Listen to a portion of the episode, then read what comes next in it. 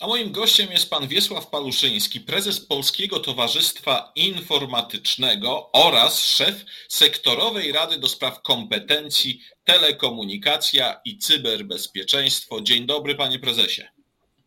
Witam serdecznie. Panie prezesie, opublikowaliście raport. Raport ma tytuł Potrzeby kompetencyjne w kontekście skutków pandemii koronawirusa. Oczywiście chodzi tutaj o sektor, szeroko pojęty sektor IT. Jakie tam są potrzeby kompetencyjne? Jakie by pan, jakby pan określił najważniejsze wnioski z tego raportu? Co, e, e, co tutaj zmieniła i jakie potrzeby jakich kompetencji wzmocniła pandemia? No przede wszystkim pandemia e, uświadomiła wszystkim, że trzeba utrzymać ciągłość działania swojego biznesu, tak? zarówno administracji, jak i biznesu. W związku z czym te kompetencje w zakresie umiejętności e, organizacji e, pracy w okresie pracy zdalnej, polegające nie tylko na tym, żeby umieć obsłużyć jakiś komunikator elektroniczny, ale też, aby umieć zorganizować cały ten proces, dokumentować te rzeczy, które się dzieją, nauczyć pracowników e, posługiwania się narzędziami, e, no to przyspieszyło w sposób zdecydowany. Jeszcze niedawno wydawało się, że ten obszar będzie dosyć długo się rozwijał, a tu się okazało, że trzeba go wdrożyć w przeciągu dni. No, dodatkowo do tego doszły jeszcze takie prozaiczne rzeczy, że duża część naszych mm, pracowników ma dzieci. E, dzieci przeszły na nauczanie zdalne, w związku z czym, jeżeli czegoś oczekiwały, to oczekiwały, że rodzice im pomogą w zbudowaniu sobie całego środowiska obsługi mm, tego zdalnego nauczania, w związku z czym to nie są tylko wyzwania zawodowe, ale też wyzwania rodzicielskie, które się pojawiły w tym okresie. Czyli te kompetencje, mm, które e, mamy kiepskie, bo ostatnio pojawił się kolejny raport oceniający Polskę w kontekście e, zaawansowania w wykorzystania technologii informatycznych zarówno w biznesie, jak i mm, indywidualnie przez e, osoby fizyczne, no, nie posuną nas do przodu w unijnym rankingu, tak można delikatnie powiedzieć, a w niektórych obszarach nas mm, e, obniżył i ten jeden z tych obszarów to jest obszar kompetencyjny. E, co prawda, ja zawsze podchodzę z dosyć dużym dystansem do tych raportów, bo e, jeżeli jest rok 2021, który się kończy, mamy dwa lata COVID-u, a duża część statystyki jest z roku 2019 bądź z początku roku 2020, to moim zdaniem to w sposób zdecydowany odbiega od dzisiejszej rzeczywistości, która się e, dzieje. W szczególności dlatego, że wiele i pieniędzy, i czasu poświęcili przedsiębiorcy na E, zwiększanie kompetencji swoich pracowników, no bo jakby ich nie zwiększyli, to by te firmy nie działały w sposób zdecydowany. Zresztą to widać z tego raportu, że e, pojawiają się e, takie kompetencje, które do tej pory były nietypowe, jak na przykład zarządzanie w trybie pralnej i hybrydowej. To jest zupełnie inna organizacja pracy zespołów i kwestia kompetencji informatycznych czy posługiwania się narzędziami, ale to jest też kwestia organizacji pracy zupełnie innej niż miało to miejsce do dzisiaj, ze wsparciem za pomocą narzędzi e, informatycznych i to jest e, zupełnie nowa kompetencja, na którą jest duże zapotrzebowanie. E, jest też duże zapotrzebowanie na kompetencje w zakresie instalowania i konfigurowania systemów do pracy zdalnej szkolenie z wykorzystaniem systemów do, do pracy zdalnej i komunikowania się. Obsługa klienta w zakresie pracy zdalnej. No właśnie, to o to chciałem zapytać, gdyż państwa, państwa raport to jest, y, y, jest wynikiem badań, no i te, wśród tych badań no bardzo wysokie miejsce zajęła właśnie y, umiejętność i organizowania i po prostu prowadzenia obsługi klienta w sposób, sposób zdalny. To jest w zasadzie zwycięzca, jeżeli chodzi o niektóre, niektóre kategorie potrzebnych kompetencji. No, ale to świadczy o tym, że e, przedsiębiorcy bardzo dokładnie rozumieją, co jest im potrzebne. E, I to też świadczy o pewnym poziomie wykorzystania technik informatycznych w przedsiębiorstwach, bo na przykład e, dużo niższe miejsce zajęła, zajęła pozycja wykorzystywania technik informatycznych w zakresie organizacji produkcji. Tak? Tam to nie było na wysokim miejscu w zakresie bezpieczeństwa, ale obsługa klienta, no jeżeli ten klient jest zdalny, jeśli biznes firmy zależy od klienta, to umiejętność obsługi klienta, a nie zniechęcenia klienta, e, co zresztą mamy do czynienia w wielu momentach, e, to jest być albo nie być przedsiębiorcy. I to bardzo dobrze w tym widoczne było w tym raporcie, że przedsiębiorcy myślą nieżyczeniowo, a myślą praktycznie, to znaczy potrzebują tych kompetencji, które są im potrzebne dla zapewnienia ciągłości biznesu. Tam jeszcze też była taka ciekawa mm, e, umiejętność, czyli umiejętność zapewnienia ciągłości biznesu. E, to do tej pory się objawiało głównie w firmach telekomunikacyjnych, w jakichś firmach, e, które świadczyły usługi w trybie ciągłym, i raptem przedsiębiorcy sobie zdali sprawę, że zapewnienie ciągłości biznesu jest równie ważne E, i w małym i w średnim przedsiębiorstwie.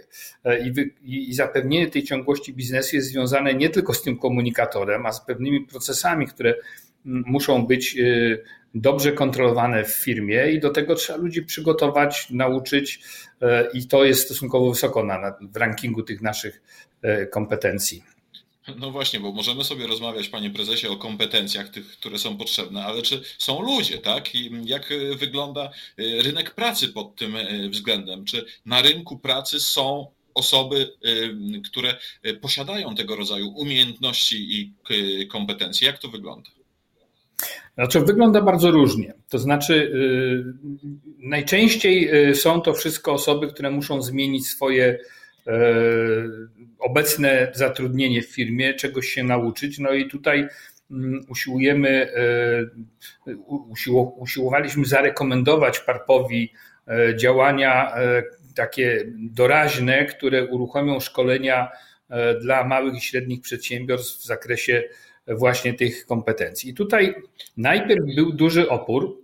Widzieliśmy, że no, niespecjalnie były zainteresowane małe średnie przedsiębiorstwa, żeby wysyłać pracowników na szkolenie, co jest trochę zrozumiałe, dlatego że tam najczęściej tych pracowników nie ma zbyt wielu, w związku z czym wysłanie na e, dwa, czy trzy, czy cztery dni pracownika w okresie takiego zagrożenia na szkolenie, no to jest trudna decyzja dla mm, kierownictwa takiej firmy, ale raptem okazało się, że nam gwałtownie wzrosło zapotrzebowanie na te szkolenia, kiedy firmy zdały sobie sprawę, że, że się nie uda, tak? że się nie prześlizgnie już bez braku kompetencji, że jeżeli jest szansa, to trzeba tych pracowników przeszkolić, dać im e, odpowiednią, zapewnić im odpowiednią wiedzę e, i umiejętności, bo to nie wiedza jest tylko, ale umiejętności są tu równie ważne.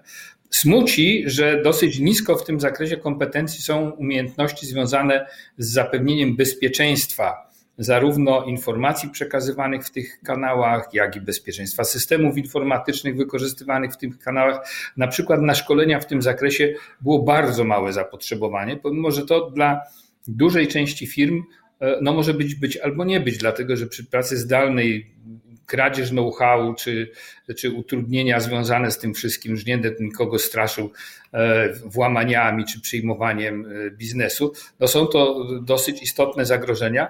I chyba w najbliższym okresie czasu musimy na to poświęcić więcej czasu, nie na same szkolenia, ale na edukację przedsiębiorców, że te elementy cyberbezpieczeństwa i cyberhigieny postępowania to są równie ważne elementy jak umiejętności e, pracowników e, do, do działania.